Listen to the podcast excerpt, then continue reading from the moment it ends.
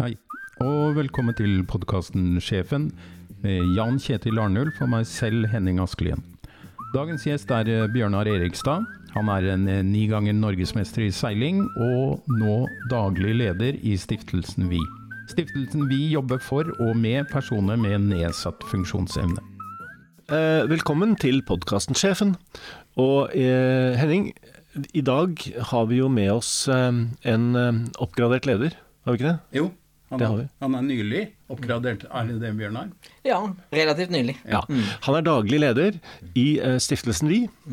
Og de har da skaffet seg ikke bare en eh, dugende erfaren daglig leder, men de har også skaffet seg en norgesmester. Mm. I seiling? Ja, intet mindre. I eh, ni ganger norgesmester, stemmer ikke det? Ja. Det stemmer. Og nå sist bare liksom på, um, liksom på hæren, eller hva man skal si, liksom på fritida, bronsemester nylig forrige helg. Helt riktig. Ja, gratulerer med det. Takk for det.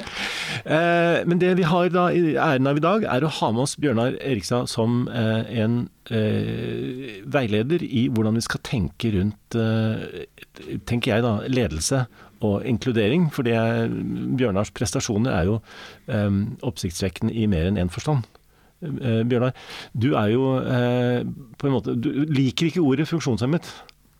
Men har vi lov å si det? Ja, altså det, det jeg egentlig ikke liker, er at vi skal hele tida finne på nye navn. Ja. Eh, og så, Jeg legger mer i, det sånn at hvis du er komfortabel med det, så syns, og du tenker at det er et bra ord, så syns jeg det er et bra ord òg. Ja. Eh, altså, jeg, jeg har ikke lyst til å tillegge deg eh, følelser som du nødvendigvis ikke har, eller lytterne ikke har. Så jeg blir litt sånn oppgitt når vi hele tiden skal finne nye navn på det jeg bare kaller korte armer, eh, eller andre ting. Nettopp. Og jeg sier at stort sett så lyder jeg navnet Bjørnar, og det er egentlig det enkleste. Eh, og så blir jeg da litt oppgitt når vi nå skal kalle det funksjonshindret og alt mulig annet. Når Ja. jeg føler i hvert fall ikke jeg har noen funksjoner som er hindret. eh, men jeg har kanskje noen nedsatt funksjoner, og så har vi forskjellige navn for det. Men eh, stort sett så tror jeg at hva vi mener om det, er det viktigste. Ja.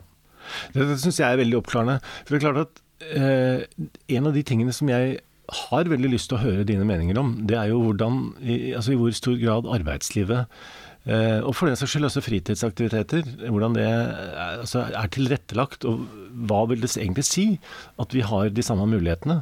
Så eh, det, av, det må vi vel si, Henning, at det har vært en av våre motivasjoner for å invitere at, Bjørnar, at vi er glad for at han er her. Fordi vi lurer på hva har ledelse å gjøre med mangfold i vid forstand? Hvem er det som har adgang til arbeidslivet, og for den saks skyld fritidslivet? Ja, det, altså det er jo et langt spørsmål og et enda lengre svar. Eh, men, jeg tror kanskje at vi skal begynne der og si at eh, i dagens Norge så har vi ikke godt nok tilrettelagte arenaer.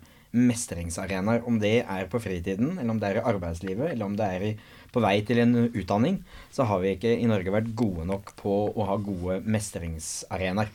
Eh, jeg har vært så heldig, og jeg, jeg, har, forskjønt, jeg har egentlig skjønt kanskje det jeg, når jeg passerte 40 og jeg begynte i stiftelsen Vi, at jeg har jo hatt utrolig flaks. Eh, som Henning og jeg snakka om før eh, vi begynte her, så møttes vi på seilarenaen. Eh, og jeg har trodd at alle har hatt like muligheter til å få lov til å prestere på den arenaen man har lyst til. Eh, og så har jeg kanskje skjønt at jeg har vært unntaket. Jeg har hatt fantastiske foreldre som har bidratt. Har et nærmiljø som aldri har sett eh, begrensninger i, i, i mine funksjoner, og bare tilrettelagt sånn at jeg kunne mestre. Og de mestringsarenaene de må vi systematisere. Vi kan ikke basere oss på flaks.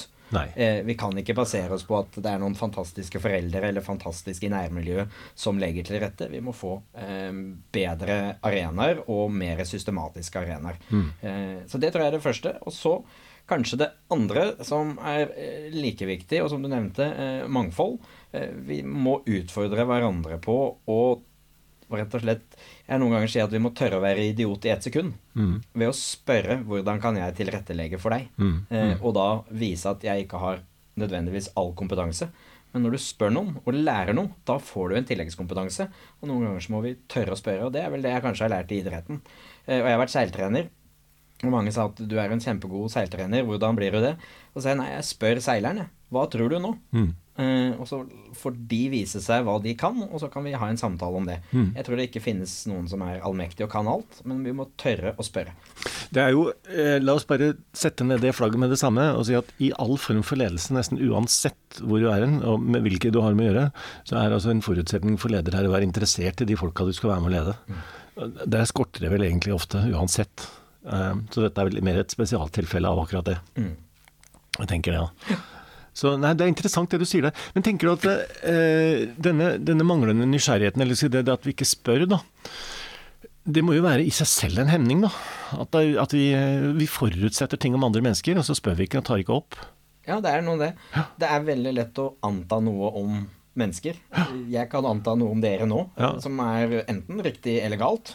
Eh, og, og det samme andre veien. Ja. Men vi finner det ut ved å spørre og ved å involvere eh, i hverandres liv. Ja. Og fortelle, eh, selvfølgelig, men også å lytte og, og spørre. Ja.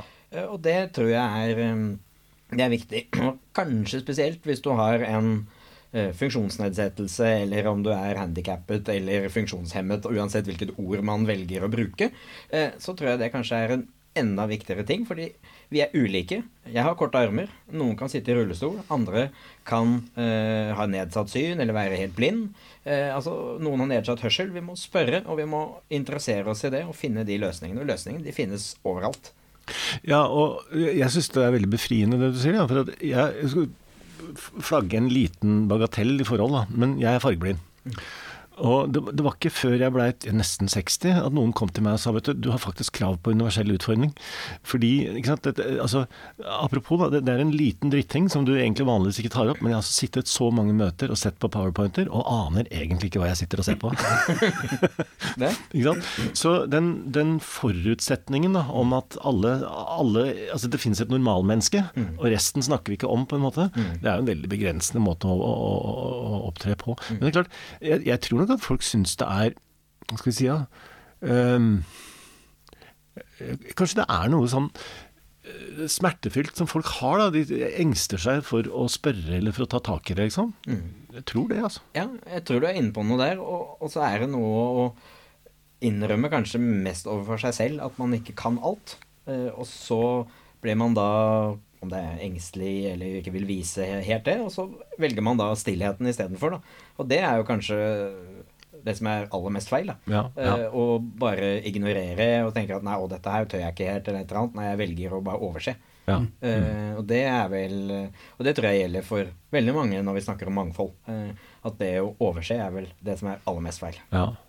Men nå har det blitt verre, i og med at nå, nå er jo dette ordet woke. Altså det, det, det er jo ikke bare disse ordene du nevner for mm. alternativene til handikap. Mm. Men vi har jo fått mange, mange sånne rare ord vi ikke Altså det er ord som er tatt ut av sirkulasjon, som er veldig bra at det er tatt ut av sirkulasjon. Det er ikke det jeg mener. Men frykten for å si noe feil For, for før jeg kom hit, så hadde jeg en liten prat med, med dattera mi, som er bare noen år yngre enn deg, Bjørnar. Og Så sa jeg jeg skulle treffe Bjørnar igjen, for hun har jo møtt deg på seilarenaen. Og så sier hun ja, nå må du være forsiktig, da, for du er, husk på at du er en gammel mann som ikke kan de nye orda. ikke sant? Så da, da får du en sånn form for sånn woke-formaning da, om at eh, ja, du er jo typisk i den gruppa som tramper i klaveret. Så da burde jeg i henhold til eh, rådet til dattera mi prøvd å unngå å si noe, ikke sant? Og det er jo det som er kanskje litt farlig nå, at det har blitt litt strammere Ja, men så tenker jeg da eh, at er det kanskje også mitt ansvar? Altså Kommunikasjon er jo egentlig toveis. Ja, eh, og at jeg istedenfor å tillegge deg det verste når du sier det, faktisk kan inkludere deg og behandle deg også da bra, og så si og på en måte ikke overse, men også ta deg imot. Og så kan jeg kanskje på en hyggelig måte si du, Men forresten, kanskje du skal bruke det ordet istedenfor. Men jeg skjønner hva du mener, og jeg ser i øya dine at du ikke mener noe vondt i dette her. Eh, og det tror jeg er eh, er viktig, om det er woke eller hva, det, hva dette er for noe. Men jeg tror eh, at vi som har en eh, funksjonsnedsettelse, eh, må også være åpne og være inkluderende og faktisk involvere eh, da deg eh, i dette her. Og så si at eh, du, jeg tar deg imot, og det at du eventuelt sier noe feil, det betyr ikke at du er et dårlig menneske. Eh, fordi det ender jo da med at du er, blir engstelig og tenker å nå skal jeg i hvert fall ikke si noe. Så Nei, nå, nå er jeg helt stille, og det er jo veldig kjedelig, for da lurer jeg liksom på det podkasten her det, var, det var tre her, men han ene turte ikke å si noe. Så, Han sa Ja, han sa ingenting. Nei, så, så det er noe med det. eh, Og det tror jeg det, det ligger litt eh, på alles, eh, alles ansvar. Og det, det må vi ta inn over oss, at vi skal være inkluderende begge veier. Ja, jeg tror det. Og det er mange ting i arbeidslivet generelt som blir enklere hvis folk klarer å tematisere det og prate om det. Helt sikkert. Men det er jo um, på en måte også litt norsk. Altså, jeg bodde i nærheten av et asylmottak en periode. Og eh, når jeg reiser til utlandet, så spør jo folk? Altså, hvor kommer du fra? Hvor kommer du fra? Men vi hadde jo den ene mer eksotiske personen enn den andre som gikk forbi. Men på norsk er det sånn Se bort, ikke spør den. ikke spør den, ikke sant. Ja, så det er et eller annet med at vi, vi, vi, vi, vi kanskje ikke tør. Kanskje det er noe kulturelt der også. Men, men Bjørnar, du um, altså Du har mye, veldig mye spennende å fortelle oss om, egentlig. Uh, kan ikke få høre litt grann om de først? Bare liksom organisasjonen og arbeidet og sånn. Mm. du fortelle oss litt om For det er jo ganske nytt, er det ikke det? Jo, på en måte så er det det. eh, Men stiftelsen vi starta jo i 2018. Ja. Og så har det jo vært en pandemi som alle har vært igjennom, som har liksom gjort at vi, noe av det arbeidet vi, vi satte på en måte på agendaen, ble litt satt på brems. Og så har vi kommet i gang igjen nå. Ja. Eh, Men det som er Altså, det finnes noen liksom sånn urovekkende tall eh, som på en måte bygger på det. At eh, man er eh, dårligere inkludert i, i samfunnet. Man har dårligere helse og veldig mange andre parametere når man har en funksjonsnedsettelse. Mm. og så starta stiftelsen vi i idretten. Norge er jo en idrettsnasjon. Vi er jo helt crazy med en gang det er en eller annen idrett som vi egentlig ikke har hørt om engang. Med en gang en nordmann gjør det bra, så er, så er jo alle eksperter med en gang. Eh, så man starta idretten, eh, toppidretten, for å være med å bygge opp om eh, rollemodeller. Så etter hvert nå så har vi også sett at det er viktig å på en måte eh, sette fokus også inn i utdanning og i arbeidslivet. Eh, Og det er ifølge SSB eh, 67 eh, som faller ut av videregående skole, eller i løpet av eh, studiet til du kommer til videregående skole. Kan hende at det skjer før, eh, men det er jo litt vanskelig å dumpe på barneskolen og sånt. Det gjør man jo ikke lenger, men det, man ser det i statistikken når man kommer på videregående.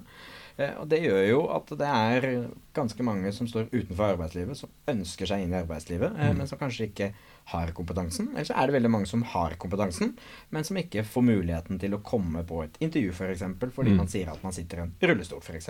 Og dette her, det er det vi ønsker å være med på, og vi ønsker å være en katalysator for gode løsninger. Eh, og så er det jo egentlig opp til alle sammen å være med og bidra. For hvis Ja. alle gjør bitte lite grann, så trenger ikke noen å gjøre veldig mye. Eh, Nei, nei. Det er jo eh, noe vi får formaninger om hele tida, særlig vi som driver og blir litt eldre, om at vi må jo holde ut lenger i arbeidslivet. Og da er det jo en pussig sak å tenke at det finnes folk der ute som gjerne vil inn i arbeidslivet, men av ulike grunner ikke får lov å slippe inn. Mm. Så dette må jo være en felles anliggende for oss alle sammen. Ja, men det er det. Det er, det er felles. eh, og, og så tror jeg at hvis vi ja, du sier, hvis vi klarer å få flere inn i arbeidslivet, så tror jeg det er bra for det individet. Alle liker å få lov til å oppleve mestring og, og høre, ha en tilhørighet. Og det er jo mye av det sosiale livet skjer jo på arbeidsplassen. Altså, det er jo sånn at du etter hvert får venner eh, som du har funnet på arbeidsplassen. Eh, Du har jo ikke alltid de samme vennene du fikk på barneskolen, ikke sant? så det, det er jo en del av det. Men like viktig er jo at eh, det er bra for samfunnet. Eh, altså, du får flere vekk fra type stønader, arbeidsledighetstrygd eller hva nå enn det heter for noe, og inn i betalt arbeid, og man får til og med skatteinntekter på det. Så det er jo veldig bra for, for Norge også. Ja, det er klart det. Mm. Mm. Men hvis du skulle med det utsiktspunktet som du har nå, det syns jeg er veldig spennende.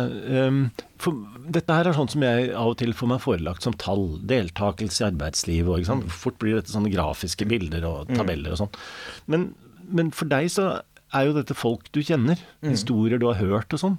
Hvordan vil du si at, at situasjonen ser ut? Liksom, hva, hva tenker du når du går hjem fra, fra jobben på et sånt sted som det der, og, og liksom, hva du har hørt? Hva, Ja, det er, jo, det, er jo, det er jo mye rart man tenker, men, men veldig ofte så er det rett og slett sånn at det her handler om helt vanlige mennesker eh, som har akkurat de samme tankene som alle andre i samfunnet, eh, og som bare blir stoppa uh, av kanskje det som rett og slett er fordommer, da. Eh, og som jeg vet kunne bidratt enormt mye i arbeidslivet, og som kanskje også kunne bidra til et uh, enda bedre samhold.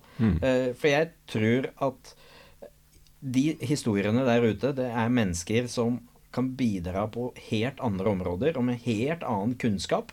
Ikke den eh, formalkunnskapen, men kunnskapen som du har fått gjennom et langt liv. Og som kan være eh, veldig viktig. Så er det, skal jeg være forsiktig med å på en måte generalisere alle historier, fordi alle mennesker er jo ulike. Men, men jeg tror at det er eh, en kunnskap som eh, norsk næringsliv, og for den saks skyld offentlig sektor, eh, har hatt veldig nytte av. Og jeg tror f.eks. Altså, en ting som har tenkt mye på, og det er jo det at vi sier nå at nå skal vi jo eh, endre oss. Altså vi skal jo bruke mindre energi, og vi skal eh, det grønne skiftet og alt mulig. Og det, alle syns jo dette er veldig ubehagelig, og vi må jo endre oss. Og vi må jo, det er jo ikke samfunnet som skal tilpasse seg oss lenger, nå er det jo oss som skal tilpasse seg samfunnet. Og så har jeg tenkt ja, hvilken gruppe eller grupper er det som har gjort det, og har masse erfaring med det? Altså Det er det man på mange måter kaller minoritetene, som har tilpasset seg samfunnet. Hvorfor går man ikke ut og høster av den kunnskapen? Mm. altså jeg har jo, altså For å si det sånn, samfunnet er ikke akkurat tilpassa en på 1,50 og har korte armer. Nei. Men, så jeg har jo lært meg å tilpasse meg samfunnet og funnet løsninger. Ja. Og den kunnskapen Altså det Hvordan tenke annerledes, og, og hvordan utvide boksen. For jeg har nemlig lært at det heter ikke å tenke utenfor boksen, vi skal bare utvide boksen. Eh, det eh, altså er jo kunnskap Mm. som du ikke du får på noe Altså om det er universitet eller høyskoler eller hva nå enn det er for noe. Altså, det er kunnskap du får gjennom et langt liv. Og Ja. den kunnskapen, den ligger der. Og ofte så omtales den som taus kunnskap, er det ikke det? Jo. Det er, det er, jeg syns det er kjempeinteressant det du sier her. For at det, i, eh, bare for å ta et annet veldig dagsaktuelt tema som har kommet opp, så er det f.eks. all de der kunstig intelligensen og disse chatbotene og alt dette her. Og det er vi jo opptatt av. Det har vi jo snakka om, du og jeg også, Henning. Så det er vi opptatt av. Men jeg synes en av de veldig, et, av de veldig gode argumentene som jeg har hørt det siste om hvorfor dette er veldig begrensa ressurser, det er fordi at Nettopp fordi du sier at eh, altså den såkalte kunstige intelligensen, da, den er veldig sånn språklig oppslagsverkaktig i formen.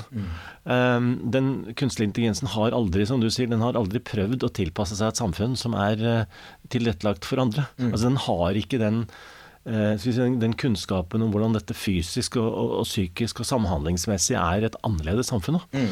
Så jeg tenker at eh, det, det, det du kommer opp med, eller du kaller for den tause kunnskapen, tenker jeg er ekstremt viktig perspektiv å ha med seg i, i en verden hvor folk stort sett blir ansatt på, her i verden på karakterer, som om man ikke på en måte hadde noe øye for mennesket bak, eller bæreren av den kunnskapen. Mm.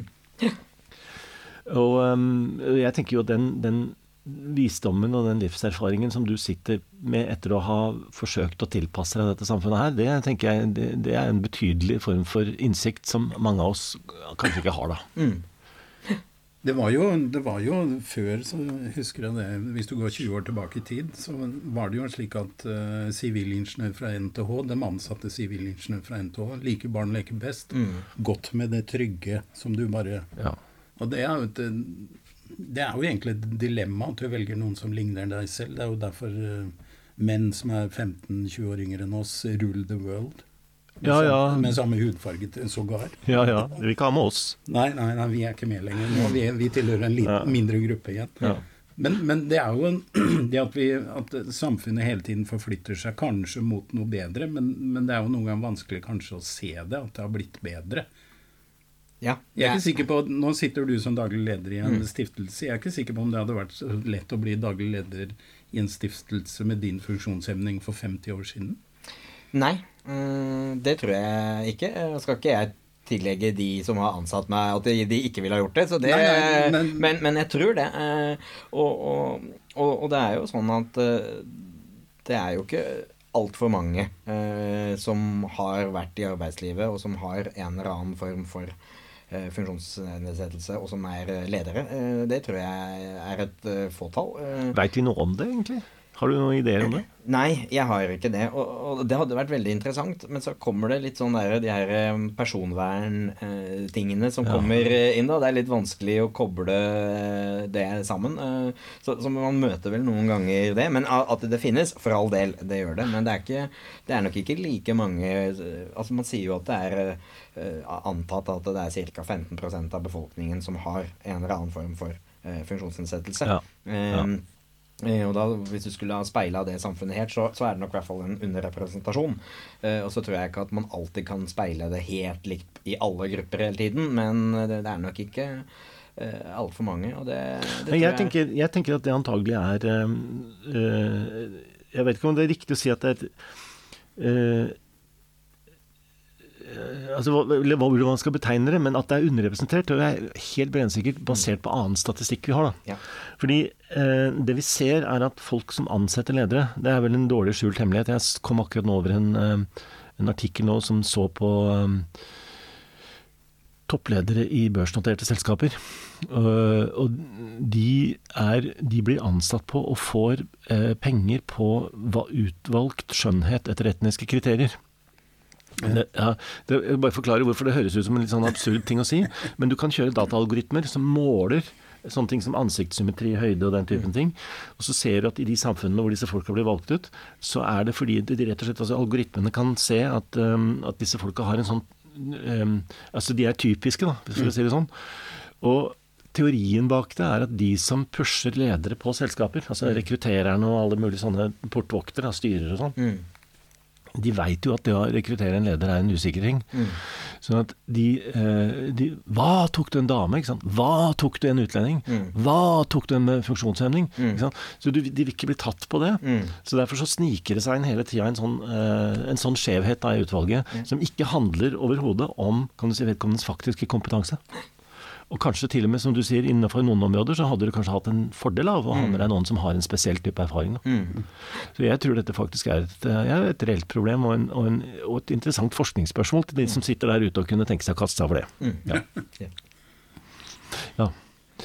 Eh, men, men du er også en operativ leder, da. Mm. Um, og uh, har jo vært uh, trener. Mm.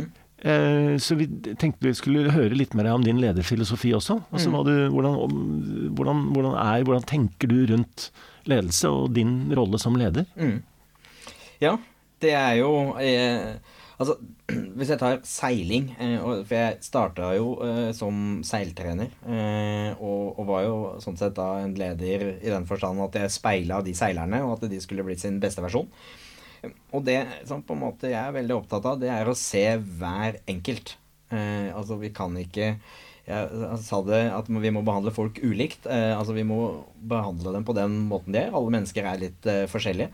Eh, så, så det å snakke med dem, bli kjent med eh, seilerne, det var veldig viktig for meg. Eh, ofte så er det sånn der at du tenker nå skal jeg spørre dem ja, hva, er, hva er dine mål for sesongen og alt mulig sånt noe. Eh, når de er unge, så er det kanskje vanskelig, og så får du et inntrykk av at det er, eh, i idretten så er det ofte foreldre som styrer det, og du får litt sånne ure, urealistiske mål. Men etter hvert så ble det mer at du bare satt og, og prata, og, så, og jeg syns ofte, og det jeg brukte veldig ofte, det er hva tenker du nå? Hva tror du?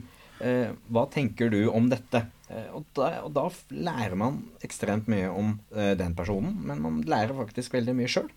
Eh, og jeg vil jo si at eh, kanskje det som jeg sitter igjen med, er at jeg ble jo en mye bedre eh, seiler når jeg hadde og fikk lov å snakke med veldig mange seilere, for de hadde forskjellig perspektiv. Og så lærte jeg meg at det er ikke noe fasit. Mm. Altså, det er veldig mange veier til, til rom, og nå blir det kanskje litt sånn veldig teknisk seiling, men som et eksempel så var det en gang jeg opplevde Det var to seilere, det var en gutt og en jente, og da var, den, da var det NM. Det var en gutteklasse og en jenteklasse. Og han gutten han var 100% overbevist om at det, det var vinden som var viktig i dag, og han måtte liksom seile der det var mest vind. Og jeg sa ja, du, det syns jeg høres ut som en kjempeplan. Gå for det. Du må tørre å gjøre det 100 og så kom jenta, og så sa hun Du, jeg tror at eh, strømmen i dag Altså, det, vannet beveger seg jo hele tiden. Altså, det står jo ikke stille. Det er viktig. Og nå, eh, når du da eh, har vann som beveger seg, så beveger det seg mindre hvor nærmere land du er. Så hun var 100% overbevist om at hun måtte inn mot land for å komme seg vekk fra strømmen. Og sa ja, det tror jeg er kjempebra, sa jeg. Men da må du gå for det 100 Og så hadde jeg med meg en forelder, og han ble jo veldig forvirra, fordi jeg hadde jo sagt diametralt motsatt. Jeg hadde, vært, hadde liksom bygd opp begge to. Og så ikke altså, Du sier jo mot deg sjøl. Nei, se. De tror 100% på de her planene sine. Nå får vi se hvordan det går. Og så blei det sånn da at uh, gutten starta først, og han gikk da den ene veien. Og jenta starta etterpå og gikk motsatt vei. Og begge to vant. Yes. Og da er det jo litt at hvis du får fram at det, de, altså det du som eh, menneske tror på, det er jo da du virkelig gjør din beste jobb. Mm. Hvis du 100% tror på dette her, så gjennomfører du på uh, alle parametere, og så får du det resultatet du ønsker. Men det kan jo være forskjellige veier. Og hvis jeg hadde begynt å skape usikkerhet Det som da hadde endt med, det var jo det som i seilspråket eh, var jo da du havna i midten. Du hadde gått litt den ene sida og litt den andre, og så hadde du havna i midten. Og da hadde du mest sannsynlig blitt tapt. Altså Vi sier at den som går i midten, den er dritten. Altså For du tør ikke å gjøre ting eh, 100% Altså Du stoler ikke på deg sjøl. Mm. Og det å få at folk skal stole på seg sjøl, at det, den kunnskapen de har, det er det som er viktig for meg. Mm. Jeg skal ikke inn og og på en måte bestemme prosessen. Jeg kan være med å stille noen spørsmål. Jeg kan stille og, og liksom kontroll og si du, hvorfor tror du dette er viktig? Har du tenkt på dette her eh, i en prosess? Men du må virkelig tro på det sjøl, fordi med en gang du ikke tror på det, så blir du usikker, og så søker du jo litt ah, Jeg må sikkert gjøre litt av det også, og så må jeg gjøre litt av det, og så blir det ikke like bra. Ja, for det er jo ingen fasit. Jeg syns dette, dette, er veldig spennende å høre på, fordi eh, det er en av de ja, det er et av de problemene du har når du prøver å lære bort ledelse, sånn som jeg har gjort da jeg har prøvd å ha lederutviklingskurs og sånn opp gjennom tidene. Så er det veldig mange usikre folk, så kommer det, så vil de ha et fasit. Ja, han sier det til meg, liksom. Gi meg, gi meg ikke sant. Bang, bang. Jeg, først punkt nummer én, punkt nummer to. ikke sant, Kulepunkter og sånn. Kan ikke du være litt klirvoajant? Mm. Ja, ja. ikke sant. Men så har du det at eh, Jeg syns dette er helt genialt beskrevet av deg, Bjørnar. For har, det er en veldig usikkerhet der ute. Og hvis hvis, hvis, du ikke klarer å stå for planen din, mm. så kommer du på et eller annet tidspunkt opp i en situasjon hvor du faktisk ikke veit hva du skal gjøre, og så blir du fanga av det. Mm. Så jeg tror, jeg tror, i strategi så kalles dette for kapabilitetsorientering, er jo det fine ordet. Men det å få det på mine premisser, for da veit jeg hva jeg skal gjøre for det. Og liksom dyrke fram at hvis jeg bare får det på mine premisser, så skal jeg fikse det. Mm. Det er en form for styrkeorientering også i dette her. Mm. Men det er jo liksom eh, å gi folk en sikkerhet for at de liksom, gir en den indre følelsen av at du har det som skal til for å møte dette. da. Mm. Eh, jeg syns det er kult, det. Og, og, um, jeg tror også veldig det å være trener, være seg det er eh, seiling eller en eller annen idrett, mm. hvor du organiserer mennesker som er der i grunn veldig frivillig, så lykkes lykke, lærer jo veldig fort at du lykkes mye bedre med din lederoppgave hvis du lytter mer og stiller deg litt mer i bakgrunn. Mm. Ikke prøve å være midtpunktet hele tiden, men mm. med å få gruppa til å fungere, og mer satse på teamfølelsen. Mm. Altså Hvis du tar med det videre i en annen lederjobb. Ja, altså det, det er jo eh, det er vanskelig av og til sånn på begynernivå for en del folk som skal lære ledelse, å skjønne at ledelse handler om de andre og ikke om lederen. ja, men det er vanskelig, det. Du, ja. har, fått, du har fått, høyere status og større ja. kontor og høyere lønn. ikke sant? Det er ja. klart det handler om deg. ja ja. Nei, det skal bare mangle, altså. Ja, klart det. Ja da. Men organisasjonene, når du er leder av denne organisasjonen, hva er utfordringen i Vi? Oh, ja, vi har mange utfordringer. Eh, men altså, i, i, vi altså, så har vi kanskje Altså, vår største utfordring er jo at vi ønsker at samfunnet skal endre seg. Mm. mm at eh, det vi eh, skal vi si, ikke mener er det riktige, men som vi ønsker i hvert fall at folk skal være bevisst, ha bevisste tanker rundt, mm. skal komme ut. Fordi vi ønsker jo at det, den inkluderingen som vi har lyst til uh, å få til, den skal jo skje naturlig. Mm. Det skal ikke på en måte skje at vi skal komme her og banke ting i hodet på folk, men vi ønsker at det skal komme naturlig, at de skal få et eierskap til det sjøl. Mm. Så for oss er vel kanskje det, den store utfordringen det er å, å, klare å få det Fordi det ligger et engasjement der uh, i bånn. Mm. Og når man forteller om f.eks. Altså, den uretten eller det, de statistikken som forteller om utenforskap, og alt så får du en emosjonell følelse hos veldig mange mennesker. Men så er det å få den eh, Altså de ordene over til handling. Og eh, våge å handle. Ja. ja. Eh, og ikke at vi bare snakker om det. Og jeg har vel sagt. Da. Og jeg, jeg jo, var jo veldig heldig at jeg hadde en, en nabo en gang. Eh, Jeg er oppvokst på gård, så han bodde ikke helt ved siden av. Men når du er på gård, så er jo alle naboer, for de bor inntil jordet. Eh, Og han, eh, han het Frank Beck, eh, som eh, mange kanskje har hørt om. eh, Dessverre gått bort nå. Men han eh, sa en ting som jeg syns er veldig bra, og det er sånn at ja, det er fint å si masse flotte ord som er jæsklig bra sagt. Men det er mye bedre å gjøre litt dårligere, men å faktisk å gjøre det. Eh, altså, og det, det er det det handler om. Så utfordringen for oss, det er å få eh, de her orda, det alle har lyst til å, å gjøre, og faktisk gå ut og gjøre det. Eh, at vi på en måte får eh, denne faktaen vi har, Mm. eh, omgjort til en eller annen reaksjon, men som fører til en ny reaksjon som gjør at man faktisk går ut og ser at du, nå skal vi faktisk gjøre noe med det. Nå skal vi gå ut og gjøre det. Og det er eh, den største utfordringen vi har. Og da må vi eh, Og der er vel kanskje noe eh, som jeg kanskje er litt dårlig på. Jeg er ikke verdens mest tålmodige bestandig. Når du har vært idrettsutøver, så vil det liksom skje at det skal komme Nå må det skje noe her. Men det her tar nok litt lengre tid. Mm.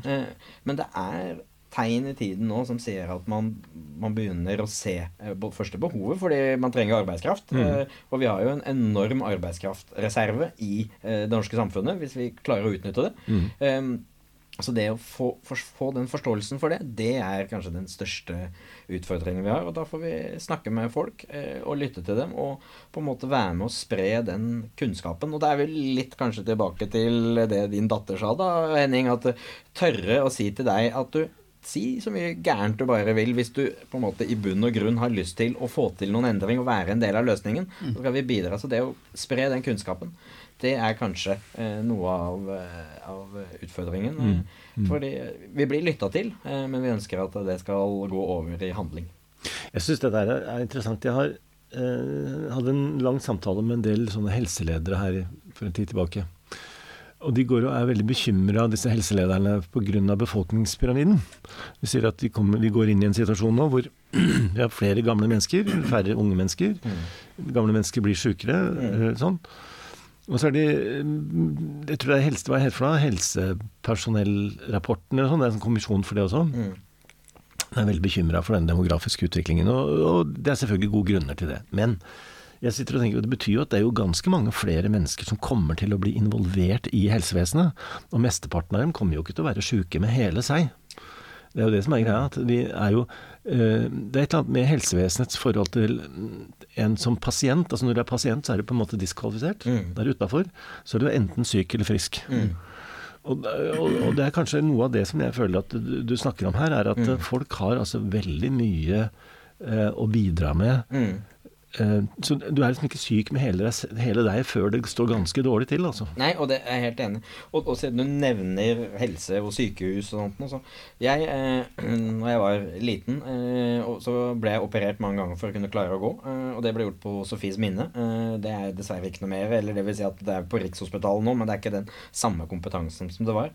Og da husker jeg liksom at jeg var med Altså, for de hadde en sånn Kall det filosofi, hvor de liksom sa liksom Ja, men hvordan er det vi kan løse dette her? Hvordan kan vi gjøre det best mulig, sånn at Bjørnar kan være deltakende? Jeg var ikke pasient, men jeg var nå kan vi, hvordan skal vi gjøre det litt bedre, sånn at han faktisk kan være mer aktiv? Ja. Eh, og den måten å tenke på, den syns jeg er mye bedre enn at du setter eh, begrensninger. For det er det man ofte gjør. At du, nå, nå er du syk, så nå blir du fortalt om alt det du ikke kan gjøre. Og jeg er jo mer opptatt av ja, men hva er det jeg kan gjøre? Ja. Eh, det er jo mye mer eh, interessant, Ja, eh, syns ja. jeg. Og, og det skaper jo mer motivasjon for deg sjøl òg, da. Når du veit at dette kan jeg gjøre, og dette er bra, og så finner vi løsninger for det. Så det, det er min Ja, jeg liker å vri på ting, da. Altså å se mulighetene hele tiden. Eh, Jeg er fryktelig dårlig på å se begrensningene. Åh, det er deilig å høre på. Altså. Jeg tror- tror at eh, egentlig, eh, hvis man er litt sånn litt sånn kynisk på skal vi si, også normalmenneskets vegne, hvem nå det måtte være, så er det vel sånn at folk flest gjør vel det, ting de får til, og forsøker på en måte å unngå å møte sine egne begrensninger i størst mulig grad. Det er vel noe ganske allmennmenneskelig, egentlig. Og, um, og dermed så, så, så um, tror jeg folk har for det første godt av å utfordre seg selv litt, og så tenker jeg at eh, altså vi må på en måte slutte å definere folk ut ifra um, altså etiketter. Vi og de, og utafor og innafor. Mm. Ja, det, Jeg syns det er veldig vanskelig. For, for, for min del. Da. Det er ikke så veldig mange av oss med korte armer. og sånt, Så da vi blir i hvert fall, Hvis du skulle hatt noe farge på den etiketten nå, så hadde vi vært en veldig rar farge. ikke sant? Så det er mye enklere å være et menneske. Mm, ikke sant. Som alle andre. Ja. Mm. Nei, så Jeg syns det er fabelaktig eh, påminnelse å få, og antagelig en veldig tidsmessig påminnelse å få. For vi blir alle sammen nødt til antagelig til å ta et grep uansett på, på å tilrettelegge tilværelsen vår. da, eh, Sånn som det ser ut framover. Men eh, fortell litt, grann om, litt grann om seilinga. Hvordan kom du i gang med det? var liksom, Hvordan blei du så flink? Ja, Det er jo også et, et, langt svar på. Men det begynte jo veldig enkelt. Jeg er oppvokst på Nøtterøy, Nettevannet. Og pappa han sa at han var en veldig god seiler. Det det kunne vi også hatt uh, diskusjoner om. Uh, men, men han er ikke her. Nei, han er ikke her. Men alle hans barn skulle prøve å seile. det vil si at det var lov å si at man ikke likte det, men det var ikke lov å si at du ikke fikk det til før du hadde prøvd. Så jeg også ble kasta ut i båten som både min eldre søster og min yngre bror har vært. Og så funka det ikke med en gang. Måtte liksom tilpasninger til, og det var ikke så enkelt. Men så ble jeg liksom både gjennom der, og også gjennom Sjøspeideren, så begynte jeg å seile, og så var jeg med og på en måte på andre båter. Og så etter hvert så begynte jeg å skjønne at fader, jeg skjønner litt av dette her seilinga. Eh, og så eh, fant jeg da eh, den båten som jeg har seilt i store deler av min karriere, som heter 2,4 meter. En eh, enkel kjølbåt eh, som man eh, sitter i midten av båten, eh, styrer med beina og kontrollerer alle andre eh, trimmeliner, altså alle de for å justere seila, som er bare rundt det. Og så var det en båt som var veldig bra tilpasset meg. Den er på ingen måte lagd altså i den forstand at det skal være en paralympisk klasse eller noe. Det var ene og alene at det er en fin båt som alle kan seile. Og så begynte jeg å skjønne at fy fader, seiling, det skjønner jeg alt på. Og det er eh, vanskelig å forklare, men jeg, kan, med en gang jeg ser et seil eller jeg ser en båt, så, så, ser jeg om det er helt riktig, eller hva som er feil. Og det bare kommer til meg, jeg bare ser det. Jeg kan ikke forklare det. Og det samme med, med vinden, og hvordan den endrer seg og dreier. og, og den, er, den, kommer jo aldri fra samme sted, og den er jo aldri like konstant i styrke. Og det her Ja, det bare Det var min idrett, rett og slett. Ja. Eh, og så syns jeg da jeg hadde egentlig aldri noen sånn ambisjoner om å, å bli verdens beste, eller noe sånt, men jeg hadde bare lyst til å bli så god som overhodet mulig. Eh, trente mye. Og jeg gikk vel litt den der andre veien enn veldig mange andre som på en måte begynner i barneidretten, og så tar man liksom stegene. Jeg var liksom litt med, og sånt, og så plutselig en dag så lurte noen på om jeg hadde lyst til å være med i et europamesterskap. Og så tenkte jeg at ja, jeg har jo lært at du må jo prøve, så da sa jeg ja til det, eh, og, og blei med i det. Eh, så nesten en av mine aller første regattaer, det var EM. Eh, og det er jo ikke helt sånn man pleier å, å gjøre det, men, men, det gjorde jeg. Og så syntes jeg det her var kjempegøy. Fikk min egen båt. Fikk en båt som ble tilpassa meg, og da gikk det bare bedre og bedre.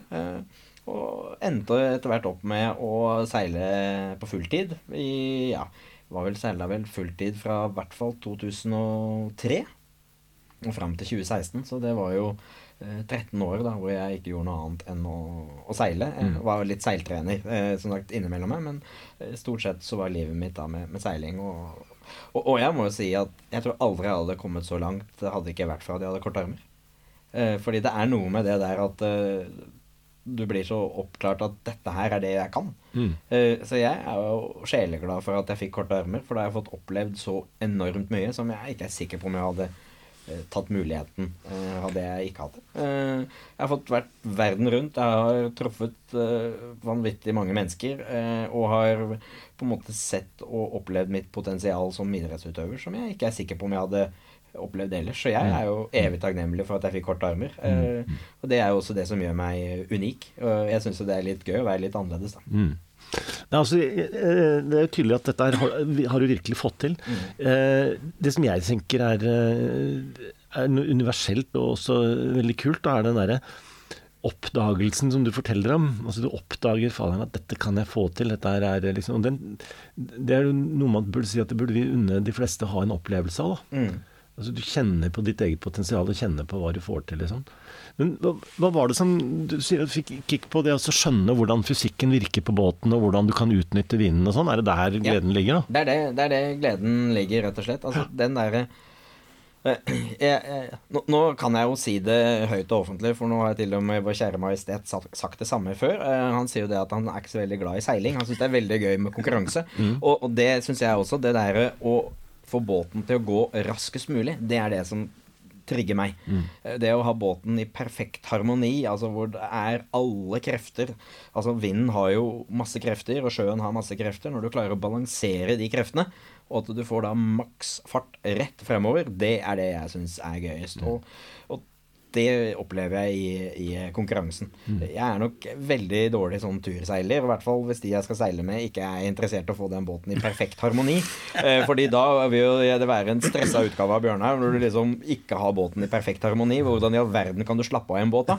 Eh, så, så det, det, er litt men, men det er det der fysikken. Bare, kan ikke de Hender det at du sitter og er med bare for å være sosial, og sitter og irriterer deg over at det er dårlig trimma og sånt? Hender det? Eh, det? Ja, men jeg eh, har skjønt at det, det en dårlig utgave av Bjørnar, så jeg utsetter meg veldig sjelden for akkurat det. Ja. Eh, for jeg vet at eh, det, det takler jeg ikke. Så, så, jeg er nok ikke den Hvis det er, er, noen som har sagt at du har ikke lyst til å være med og seile litt og bare slappe av, da sier jeg nei, det skal jeg i hvert fall ikke. Fordi det, det er som å, å, be noen være med på et eller annet eh, kontor og så ikke gjøre en god jobb på en eller annen jobb. Det er akkurat den følelsen jeg sitter med. Så, så jeg er ekstremt dårlig på det. Men jeg skal, jeg skal klare det, men ikke over lang tid. Altså tre uker sommerferie i en seilbåt. Jeg tror ikke jeg kan oppleve noe verre eh, hvis ikke man seiler i perfekt harmoni med kreftene. Mm. Men neste helg skal du jo seile Færderen. Ja, jeg skal seile Færderen, eh, men da skal vi jo seile for å ha båten i perfekt harmoni hele tiden. Ja. Eh, vi er ikke med for å seile Færderen for å seile tur. Da skal vi seile så raskt som mulig ned til ferderfyr Så skal vi snu der, så nærme den der bøya som overhodet mulig, og seile så raskt som mulig via Slagenbøya og til Tønsberg. Ja. Ja, og hvis ikke, så hadde jeg ikke blitt med. Nei, men du, du, er da med i en båt hvor det er litt mer ambisjoner enn, man, enn ja. at ferderen er en tur? Ja, ja. Det, jeg hadde ikke vært med på noe annet. Uh, og det skal, jeg skal være med på en båt hvor som det går, altså vi kommer raskt frem. Ja. Mm. Mm. ja Der har jeg et sånt teknisk spørsmål, det er mer for om, men sist gang vi hadde en seiler her, så snakka du og, og, og, Jon, da, som var med den gangen, dere snakka om at det går an å arbeidsdele på oppgavene om bord på en seilbåt. Mm. Ja. ja. Men det tror jeg Bjørnar og mannskapet han skal være sammen det er bestemt. Det er bestemt. Hvilke roller dere Hvilke, har. Ja. Ja. Jeg, jeg, har veldig få roller som involverer å dra i noe tau. Men har, min rolle er da taktiker. Dvs. Si at jeg skal bestemme hvor vi til enhver tid skal eh, seile. Ja. Så jeg, eh, jeg bestemmer eh, så, hvor vi skal hen. Selvfølgelig basert på andres informasjon, men til slutt er det en som må bestemme. Og det er min rolle. Og så er det andre som bestemmer hvilke seil vi skal ha oppe, og hvordan trimmen skal være og sånt noe. Det er det andre som gjør. Ja. Men min rolle er å få den båten på riktig sted til riktig tid. Ja. Eh, det er min jobb. Ja. Men det er en annen mannskapsfordeling enn det Jon Amtrup snakket om. For mm. det han egentlig snakket om, er å kunne ha en båt i fart gjennom flere døgn, mm. slik at du egentlig dekker flere av de mm. posisjonene som enkeltindivid. Mm. Men da blir du ganske sloppy trim, sloppy-taktikk. ikke sant? Det er bare snakk om å få båten av. Nja, jeg vil arrestere deg litt, der, Henning, for det han snakka om det også. Men det han, det, når dere tok litt av Jeg vet ikke om du ja, ja. husker det, du ble litt begeistret, og ting løp litt av med deg. Men mm. dere snakka jo blant annet da om disse herre som seiler rundt Sydpolen og sånn. Da snakka dere om faktisk det at det var en fyr som var eh, navigatør, og som sørga for at eh, at de faktisk klarte å gå på et skjær midt uti der. Ja, han danske, ja, danske navigatøren. Han ja. ble jo forfatter, han. Mm. Ja. Men altså, nå skal vi ikke rippe opp i det. Men poenget mitt, da, som jeg syns er interessant når jeg hører på Bjørnar nå, det er at uh, det er en um, dette, er en, dette er et teamarbeid. Hvor altså den profesjonelle interessen i å få den båten i, i perfekt harmoni, den, den, er egentlig ikke helt avhengig av båtens størrelse. fordi at det samarbeidet og, og dine armer, mm. de, den funksjonsdelinga er en del av et helt regulært teamarbeid. Mm. Sånn? Det synes jeg faktisk er et interessant fenomen i seg sjøl. Mm. Altså, det er ingen grunn til at ikke du skulle ha, kunne ha den rollen, og det er ikke noen grunn til at ikke de kan dra i de tauene og profitere på din innsikt. Mm. Det er jo det som er kult, da. Ja. Og det er, det er, jo det som er uh, seilingen. I hvert fall når du har altså et, en båt med, med mange om bord, og så trenger du alle roller. Eh, og så er det jo at du er, eh, kall det ekspert på ditt område, eh, og kan samarbeide med andre. Det er jo da båten går raskest. Ja. Eh, for vi trenger den som justerer de seila, den millimeteren det trengs. Og så trenger man den som ser langt frem og ser hvordan vinden vil komme eh, om ti minutter. Eh, og hvordan vi skal posisjonere seg da. Og selvfølgelig hvordan vi er akkurat her og nå. Ja. Jeg tenker litt på det, for noen ganger så er jeg rundt og, og prater med bedrifter av ulike slag. Og um, det som vi ser nå mange steder i verden, og det skyldes jo litt IT-revolusjonen, det må vi jo bare innrømme, men det er jo at det, det er noen typer yrker som ser ut til å være litt i oppløsning rundt hva man, hva, hva man, man trenger. Jeg skal ta bare et, et eksempel her. og Det var jo f.eks. at Jeg snakka med en gruppe politiledere som sa det at eh, politikerne de vil ofte ha ønske seg, når de bevilger mer til politiet, å få en synlig politiperson i gata. Mens mange av eh, politimesterne selv, de kunne godt tenke seg å få inn noen som kan sitte og overvåke ting på nettet. Ikke sant? Hvor du på ingen måte trenger å ha eh, krav til fysisk eh, form og gå omkring i gaten. Ikke sant? For det er som du sier, altså eh, Den verste skurken de frykter, er nå en som er på vei inn på soverommet ditt gjennom bredbåndsruteren din, og ikke egentlig gjennom vinduet. Eh, sånn at arbeidslivet driver og endrer seg. Altså Hvilke kapabiliteter vi skal ha og sånn. Så det er, det er, jeg tenker det er, det er interessante påminninger om at det å dele på arbeidsoppgaver, det er at folk har ulike spesialiteter. Mm. Ja, det, jeg tror det er kjempeessensielt, det. Og, og så er det jo sånn, skal vi ikke gå inn i politikkens verden altfor mye, og de har jo altså gjør mye bra, for all del, men så er det litt sånn at man av og til ønsker kanskje som politiker å si som dette fikk vi til, og så ønsker du å se det synlige i, i det daglige, men stort sett så handler det jo om å se det som er litt frem i tid, da. Mm, og det er kanskje viktigere enn akkurat det som skjer, kall det her og nå, og som er veldig synlig.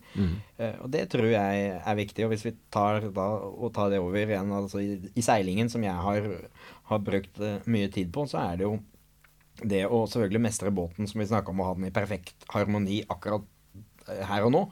Men det er jo også å se hva er det som skjer av vind om noen sekunder.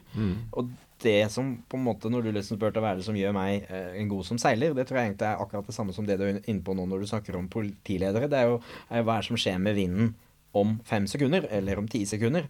Og hvis vinden da skal øke eller eh, minke i styrke, så må man jo da tilpasse eh, seilene. Altså det er jo å, tilpasse det mannskapet man har, eller de medarbeiderne man har, og på en måte fortelle om det, sånn at man er i forkant. Eh, og det er ikke alltid at det er så veldig synlig akkurat der og da, men det er veldig synlig når vinden enten øker eller forsvinner. At ja, men vi burde jo ha gjort noe for tre sekunder siden. Eh, og det er jo det som er rollen. Eh, og av og til så må man eh, gjøre det og si at du, nå er det dette her som skjer, nå må vi endre oss. Uh, og det er jo det som det handler om i seiling, da. Uh, og det tror jeg handler om i ledelse. Jeg tror det handler om i livet generelt. Uh, nå kommer det en, en endring, og det, det er i hvert fall jeg gjennom seilingen erfart, da, gjennom at vinden er den endringen som du hele tiden må, må skape en perfekt eh, balanse med. Da. Og, og den er aldri lik. Eh, den kommer aldri fra samme retning. Eh, og, og jeg sier jo sånn der at jeg skal ikke bli noe religiøs, eller noe, for jeg tror ikke så veldig mye på det. Men er det én ting jeg tror på, så er det værguden. Eh, og den gjør akkurat som den vil hele tiden. Eh, og, du kan gjerne ønske deg at vinden skal snu en eller annen retning, men du har null påvirkning på det. Så det du kan gjøre noe med, det er deg og den situasjonen som er nå, og hva som vil skje fremover. Og det som har skjedd, det har skjedd. Det får du heller ikke gjort noe med. Nei, det er noe ting. Så jeg, jeg sitter her og humrer, for at det, det er um, uh, Det du tar opp der, det er noe vi lagde et um, eh, et helt show av en gang vi drev og skulle eh, promotere ledelse i Kina. Jeg tror da hadde du reist her vi lagde et sånt um, seilstunt på en sjø utafor Shanghai. Ja, det fortalte du om.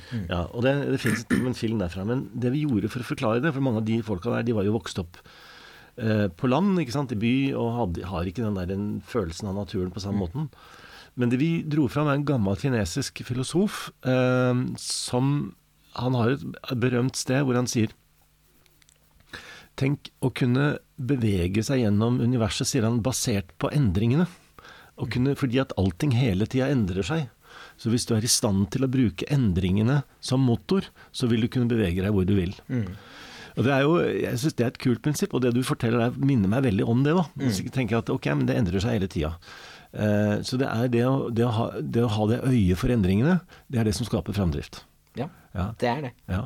Det er et veldig kult prinsipp, da. Ja, ja men jeg, jeg syns det er viktig. Ja. Eh, fordi eh, ja, som sagt, altså, det er jo de endringene som kommer, som man må forholde seg til. Eh, og de kommer hele tida. Ja. Og særlig ledelse. Ja. Det er det. Liksom. Det er ingenting som er konstant. Ops, og her kommer fortelleren inn. Da det ikke alltid er like lett å klippe til en podkast som egentlig er en samtale mellom tre mennesker som har felles referanser, referanser som ikke lyttere nødvendigvis har, så hopper vi i stedet til et punkt i samtalen med Bjørnar Erikstad, hvor vi drøfter hvordan og hvorfor oppnå mangfold i organisasjoner og i arbeidslivet for øvrig. Men hvordan kan vi adressere det på en god måte i, i både rekrutteringssammenheng og i hvordan få bedrifter til å, å skape en kultur hvor de er åpne for eh, minoriteter, Ja. Alle gruppene med merkelapper? ja. Har du noe råd til oss, Bjørnar? Oh, eh, ja. Jeg tror vel altså, for å si sånn, Det må sikkert bevises at det lønner seg. Eh, det tror jeg er viktig for, for, eh, for alle. Men jeg tror at eh, hvis ikke du tør å våge eh, noen ganger, så vinner du heller ikke eh, de store premiene.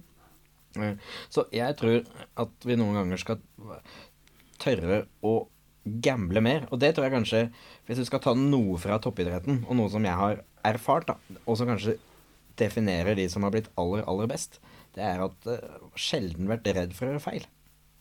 Uh, og, og ikke tenkt på de konsekvensene, og heller bare tenkt at det her er jo riktig.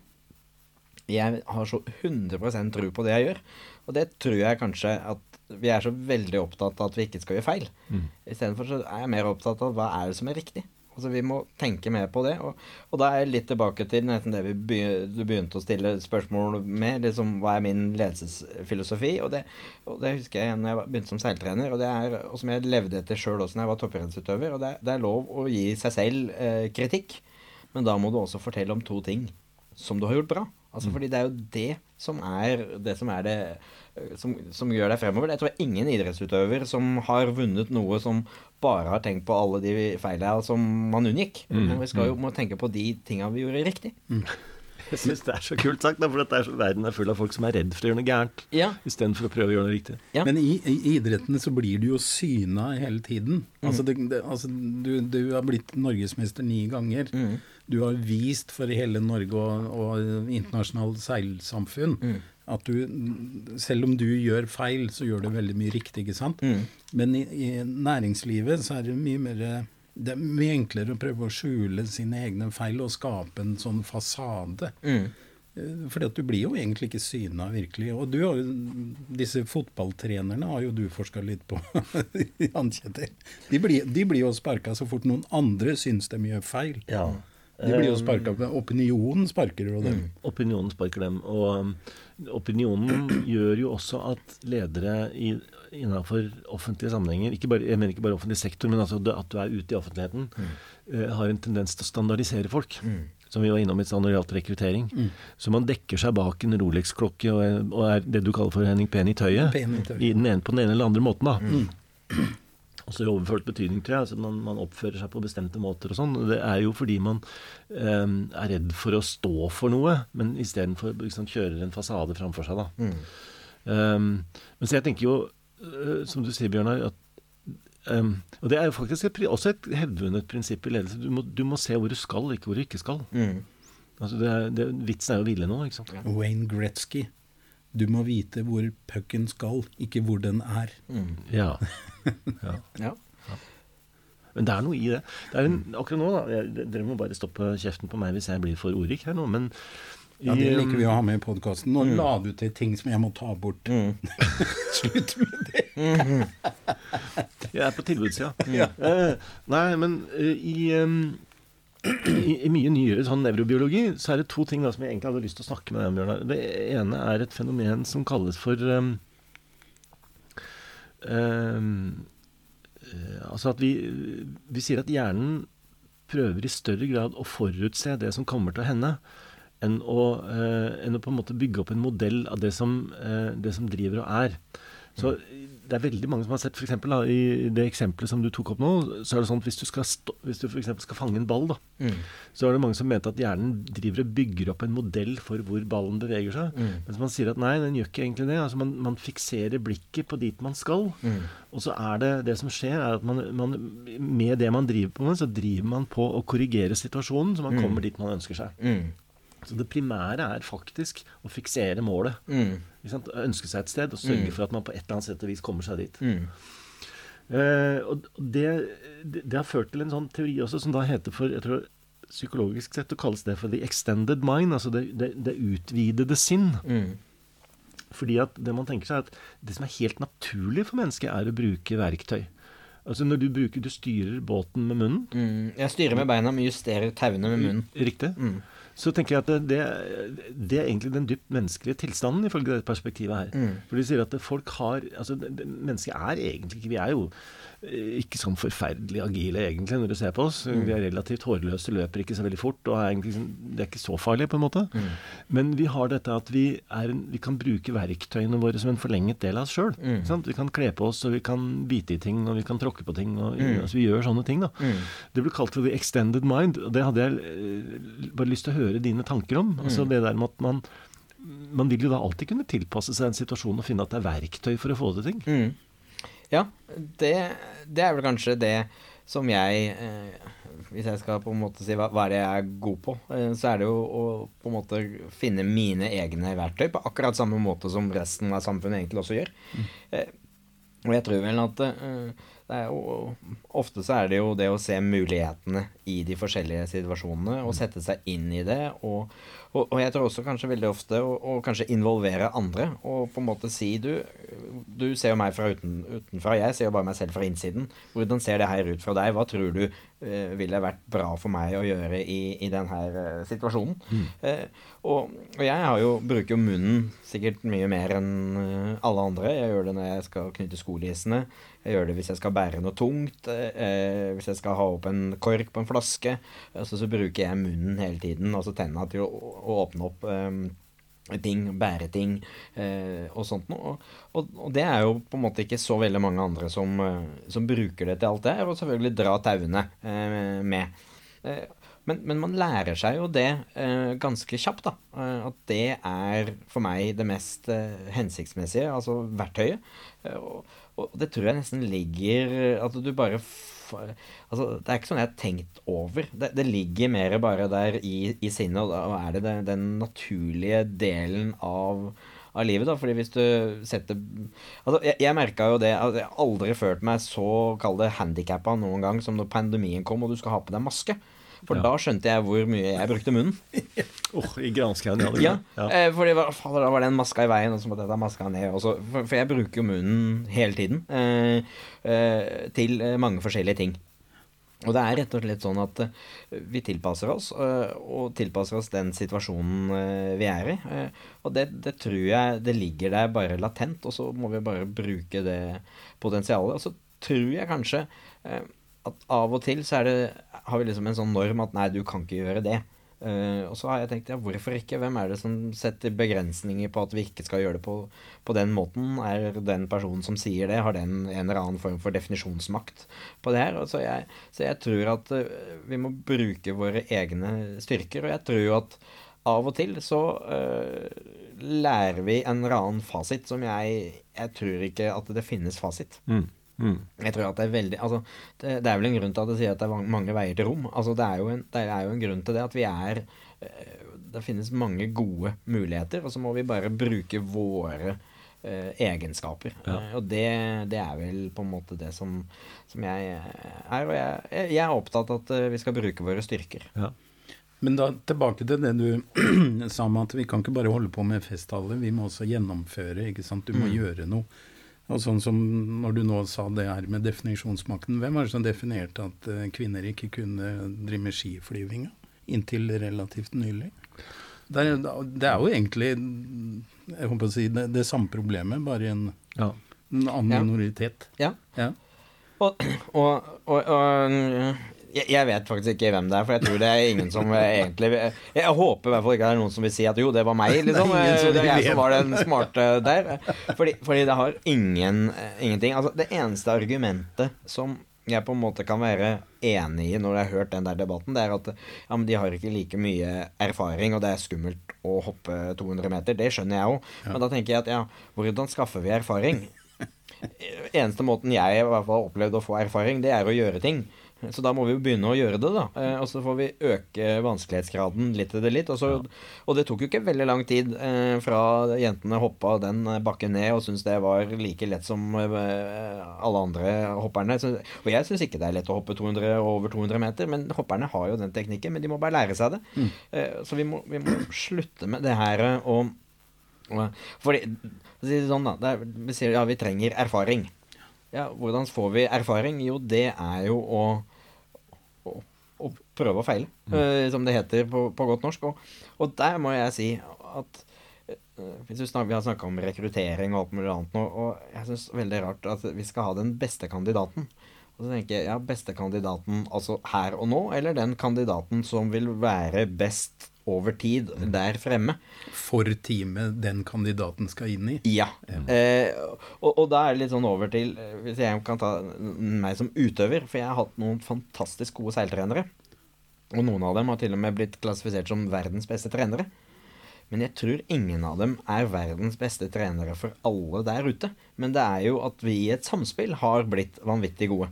Og det er jo det du trenger ikke verdens beste trener her og nå, men det du trenger, det er en person som har lyst til å bli verdens beste trener sammen med deg. Og det er mye, mye viktigere. Og jeg, altså min siste trener, han eh, var yngre enn meg.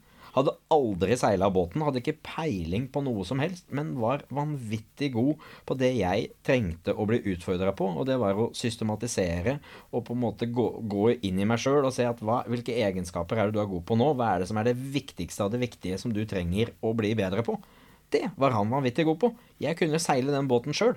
Jeg trengte ikke en som var vanvittig god på det, jeg trengte en som hadde andre ferdigheter eh, som gjorde oss komplementære. Og da er du vel inne i Nils Arne Eggens eh, trenerfilosofi. Ikke sant? At vi trenger komplementære ferdigheter. Eh, Men der har jeg lyst til å si, for nå har jeg sittet og hørt på deg, Bjørnar, så at det er én ting du er altså, kjempegod på, og det er jo også at eh, ikke bare å bruke fysiske hjelpemidler, men du er jo, tenker jeg, sosialt ganske robust. Altså du, du har en filosofi på at du kan også prøve å finne ut av hvem de andre er, på en sånn måte at du kan, du kan liksom lage et team da, med folk rundt deg. Du spør dem, du utfordrer dem og byr på deg sjøl.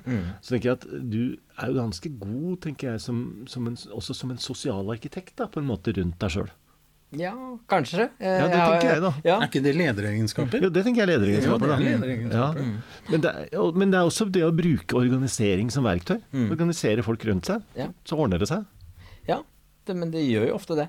Eh, og så tror jeg kanskje at det å stole på folk Og da er det ikke sånn bare sånn at det, eh, Men å faktisk si det og mene det. Og det betyr også at man av og til må godta at man den personen gjør litt feil. At noen egg faller i bakken. Du må Ja. ikke fange dem, nei. Nei. Nei. Altså, det er lov å gjøre feil, for det er jo det man eh, også lærer av. Eh, eh, og, og liksom si at ja, men du, alle gjør feil. Eh, og det er også en del av, av den læringsprosessen. Fordi jeg tror at hvis du aldri har gjort feil, da har du heller aldri gjort noe riktig. Nei, det er bare de som ikke gjør noe, som aldri gjør feil.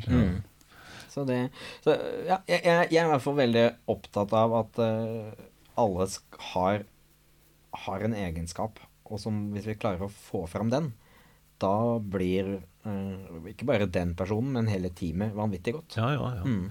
Men det krever, ikke sant? Jeg, det krever at du, som du sier, at du ser det, at du snakker til det i andre folk, og ikke er redd for å stå i den sammenhengen sjøl. Mm. Jeg tror det, jeg hører på deg nå, så tenker jeg at det er ganske mange mennesker som både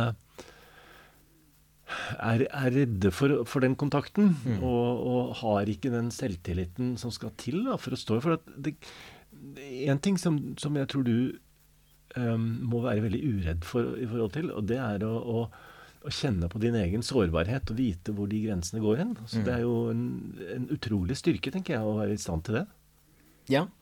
Eh, men så er jeg noen ganger så enkel, da. Jeg sier at noen ganger at jeg er sånn enkel gutt fra, fra Nøtterøy. Så når du sier liksom sårbarhet, så tenker jeg at ja, men ellers så er det det som gjør meg unik, da. Ja, det Eh, skjønner jeg. Men jeg tenker, det skjønner jeg. Mm. Men, men nå tenker jeg ikke bare på den fysiske sårbarheten. Jeg tenker at eh, sant, Når du sier å stole på folk, så tenker jeg sant, hvis eh, en del av disse lederne, da, for å si det sånn, som er veldig strigla, de som er pene i tøyet, Penny tøy. de gjør det jo veldig ofte fordi de på en måte dekker over en indre sårbarhet. Ja, ja, nå er jeg med. Ja. Ja. Sånn at den, den muligheten som vi alle har til å ha eh, å være sårbare i kontakt med andre, da, Mm. at dette får ikke jeg til, så her er jeg avhengig av at du Ja. Men, men det, det jeg har erfart, er akkurat det der å vise at man har behov for hjelp, det gjør jo at veldig mange andre opplever mestring. Ja, ikke sant. Eh, og jeg, jeg husker det Altså når jeg var seiltrener, for å ta tilbake til det eh, Det å få på glidelåsen på seilvesten, det er ikke det som jeg er best på, i hvert fall hvis den er litt langt nede. Og det å kunne gå bort til et barn eller et eller annet og så spørre du, kan du hjelpe meg med det, det gjør jo at Én ting at jeg får på vesten, det er jo kjempepraktisk for meg, men det betyr jo også at den personen føler at du, jeg kan noe som Bjørnar ikke kan. Mm. og som sier at ja, men jeg har også en styrke. Og det å tørre å vise det, det er jo egentlig bare å gi andre muligheten til å faktisk blomstre på et eller annet nivå. Uansett hva det nivået er. Eh, og, og jeg tenker jo sånn at det å vise det er jo egentlig en, en styrke. Og jeg, jeg tenker at det Det har aldri i hvert fall vært noen vanskeligheter for meg da, å vise at jeg ikke får til alt. Eh, fordi det er ingen som er noe supermenneske. Og, men du må kanskje være trygg i deg selv, da. Ja, det er det jeg tror du må være. Jeg, jeg tror det er ganske mange mennesker som er, er redde for en sårbarhet som er betydelig skal vi si, mindre objektiv, da, på en måte. Ikke sant? Folk, folk er redde for det utroligste, på en måte, egentlig. Og, og det er mye sånn Vi kaller det for feedback-teori. Altså Ledere er veldig redde for tilbakemeldinger som treffer selvbildet deres i en eller annen forstand. Og Det er også noe som medarbeidere skjønner fort. Man lister seg rundt, man skjønner hva denne lederen ikke tåler å snakke om. da. Så Det er noe av det som jeg syns er fascinerende å høre på med deg. er den der, ehm, eh, altså Helt fra liksom ekstreme sånn seilingstekniske synspunkter til dine synspunkter på arbeidsmarkedet hele veien. altså hvordan vi, må, vi må klare å organisere oss, vi må klare å være nysgjerrige på hverandre og klare å finne ut av det. Og det, det er det butter vanligvis hos de aller fleste mennesker. Det er den manglende interessen for andre som kommer av forsøket på å opprettholde selvrespekten sjøl. Mm. Det, er, det er fascinerende. Det Glidelåseksempelet ditt syns jeg faktisk er kjempebra. Ja, det har jeg sett. Hvordan du har håndtert disse barna. Det morsomme er at disse barna er også der for å seile sin regatta. Og de har nervene på utsiden av vesten. Ikke sant? Det vet du jo, Bjørnar. Og det, det husker jeg at du har kommunisert med disse barna og fått litt hjelp av dem. Og det, det løfta det barnet ble fem centimeter høyere. Det redda dagen det for det. Så hele den kommunikasjonsformen, det at du gir andre mennesker plass og en sjanse, det har vært synlig. Og, og, og, og jeg har faktisk gjort det bevisst, fordi jeg kunne ha gått til en forelder og spurt. Og på en måte skjult bak et eller annet. Men så har jeg tenkt nei, det er mye bedre at den seileren får lov til å få den opplevelsen. Ja. Eh, eh, og det er jo på en måte Ja, da er du litt innpå litt det der der, men det er noe med det der å, å, å, å la andre vokse. Ja. Og så tørre å ta kontakten. Bare, det, I det hele tatt å tørre å ta kontakten. Ikke sant? Å være i den kontakten. Jeg synes det, er, det er en fascinerende øvelse i seg sjøl. Det er det. Og atter en gang kommer jeg som forteller inn for å rydde litt. Vi hopper nå til et sted hvor vi igjen styrer inn mot mangfold i arbeidslivet, og hvorfor det er viktig. Altså det å få eh, folk inn, eh, det å få flere inn i arbeid, det er eh, en, til slutt en Om det er toppleder, det er i hvert fall den øverste lederen sitt ansvar å vise vei, og vise hvor man ønsker å gå. Og det som jeg kanskje har lyst til å på en måte snakke litt om, eller utfordre på, da, det er rett og slett hvordan skal man få til det i praksis i hverdagen? Eh, hver eneste dag til å vise det eh, og ikke bare være opptatt av bunnlinja, for å, for å si det sånn. fordi jeg skjønner jo at vi skal ha virksomheter som eh, leverer positive tall, for det gjør jo at eh, man kan eksistere videre. Men også at man tør å se hva er det som skal være viktig i fremtiden for denne her eh, virksomheten. Mm. Og det eh, syns jeg ofte eh, blir eh, litt glemt. Altså vi er veldig sånn nærsynte. Mm.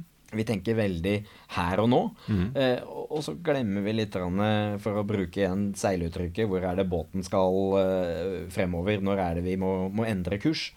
Og, og, og, det som jeg har lyst til å, å på en måte la ledere tenker litt på, det er hvordan er det jeg som leder viser resten av organisasjonen at det er greit å eh, enten å rekruttere eller å involvere andre enn eh, de som ser helt like ut, som vi var litt inne på. Eh, altså, det å, å, på en måte involvere alle i det, det tror jeg er kanskje det viktigste en, en leder gjør. Eh, og da tenker jo alle på en måte alle typer slags eh, minoriteter eh, må involveres da. Men kanskje det å rett og slett bare gjøre det i form av Ikke nødvendigvis For det er så veldig mange som sier at ja, nå skal jeg gå fram og så ansette en eller annen person. Mm. Men jeg tror noen ganger at kanskje det enkleste, det er noen ganger og om det er i lunsjen eller om det er når man er ute på gata Vi snakka jo litt når vi er i utlandet, så blir vi alltid spurt om eh, hvor kommer du fra? Du så ikke helt eh, fra der vi er fra. Eh, ikke sant? Jo, sier du at du er fra Norge, og så har du en eller annen samtale. Mm. Og det å faktisk som leder å tørre å gå og prate med andre og vise interesse for det i det daglige mm. gjennom de handlingene man gjør, mm det er jeg litt opptatt av. Å tørre å prate med eller å vise interesse for uh, noen andre mm. uh, enn de som er helt like en sjøl. Mm. Uh, og det tror jeg ofte at ledere kan gå foran med, mm. og, og, og, vise det her gjennom handling, rett og slett. Men ikke, ikke, sånn der at ja, nå skal vi gjøre det fordi vi har satt oss et eller annet mål. Men at vi bare skal gjøre det fordi det er en del av hele det å være leder. Ja. Eh, vi skal ikke gjøre det er ikke sånn at jo nå, ja, nå har vi satt oss et eller annet mål at nå skal vi ansette x antall eh, av denne her gruppen. Men hvis vi bare viser det gjennom konkret handling hele tiden, eh, da tror jeg vi etter hvert skaper den kulturen for at det er eh, greit å ansette til slutt en som ikke er helt lik alle andre, og som har gått på den og den skolen og bor fra i det og det distriktet, og, og som vi på en måte ser i den, all den her statistikken. Så det å på en måte vise gjennom handling. Det er vel kanskje det som jeg gjerne skulle ønske at vi, vi gjorde mer av. Ja, og så tenker jeg da, Det føyer seg pent til det vi har snakka om. fordi eh, det krever jo at folk er mye mer modige i å møte hverandre. Da. Ja, det gjør det. Eh, og tørre å Jeg skal ikke si at jeg er noe bedre enn noen andre, men det er noen der å tørre å prate med, med den personen, om det er ved siden av bussen, eh, eller den setet ved siden av når du sitter på bussen, eller et eller annet. Ja. Og det å på en måte våge å ta den, det der første pratet, der er vel kanskje vi nordmenn noe av de dårligste, eh, da. Mm. Eh, for alle andre steder så blir du jo tilsnakka, og du føler føler du litt ubekvemt som nordmann når du er i utlandet. Jøss, snakker de med meg? Hvorfor i all verden gjør de det? Og du lurer på Nå ble jeg vel lurt, og de skal selge et eller annet, eller et eller annet sånt noe. Det er jo, du tenker jo de der tankene med en gang. Ja. Men jeg tror rett og slett det der å å vise vei eh, gjennom den, det daglige, mm. det er eh, Og gjøre det, det, gjør, gjør det alminnelig? Og... Gjøre det, ja. Akkurat det. Gjøre det alminnelig. Det er Det tror jeg er det. Og, og ikke at vi alltid skal ha Det er bra med kopier, og det er bra med på en måte noen mål, og at vi skal gjøre ting. Og, og jeg er absolutt for at vi kanskje skal sette også mål om det er uh, Altså vi har jo hatt uh, kvinner i, i AS-er, eller altså i allmenne aksjeselskaper, ikke sant, lenge, og det har nok sikkert vært veldig bra. Men jeg tror det må liksom mer ting enn bare den lille delen, for da leverer du bare på akkurat det. Mm. Og så begynner jeg å lure ja, hva, hva, hva, hva, annet er det som gjelder. Så da må vi, vi må gjøre det mer i det daglige. Men kvinnene har jo bevist da, at ved å slippe disse inn i, i, i, næringslivet, så har vi jo fått en viss form for mangfold i næringslivet. Hvor mm. vi da har lært at kvinner er mye bedre enn menn i mangt og meget. Også i visse posisjoner i næringslivet mm. har de lykkes mye mer med. Ja. Og det betyr jo også at hvis vi slipper inn andre minoriteter, mm så kan det jo være at de faktisk er bedre. Så kan de til og med forbedre bunnlinja. Mm. Det er ingen som har fasiten. Nei, det er ingen, det er ingen som, har... som, har... fasiten, nei. Og så er det vel også sånn at vi eh, på mange måter altså jo, jo, mindre variasjon vi ser, jo mer standardiserte blir vi selv i vår oppfatning av fasiten her. ikke sant? Mm. Sånn at jo, jo eh, Jeg tror at jo mer variasjon vi venner oss til, jo mindre rart kommer det til å være. Det er klart ja. det. det er, ja, men det er akkurat det som er det. altså hvis vi er vant til at det er masse rart ute, så er det ingenting som er rart. Ja, det er uh, og, det, og, det, tror jeg er kanskje essensen i det her. At vi må tørre å snakke med det rare, eller rekruttere det rare. Altså når det, altså, og det rare er altså det som er litt annerledes enn det vi har vært vant til. Eh, for alt er jo på en måte rart hvis du aldri har sett det før. Nettopp. Jeg syns dette er kjempebra. Ja. Eh, Bjørnar Erikstad, tusen hjertelig takk for at du kom ned og delte dette med oss. Dette er kjempeverdifullt. Tusen takk for at jeg fikk lov til å komme. Takk for det.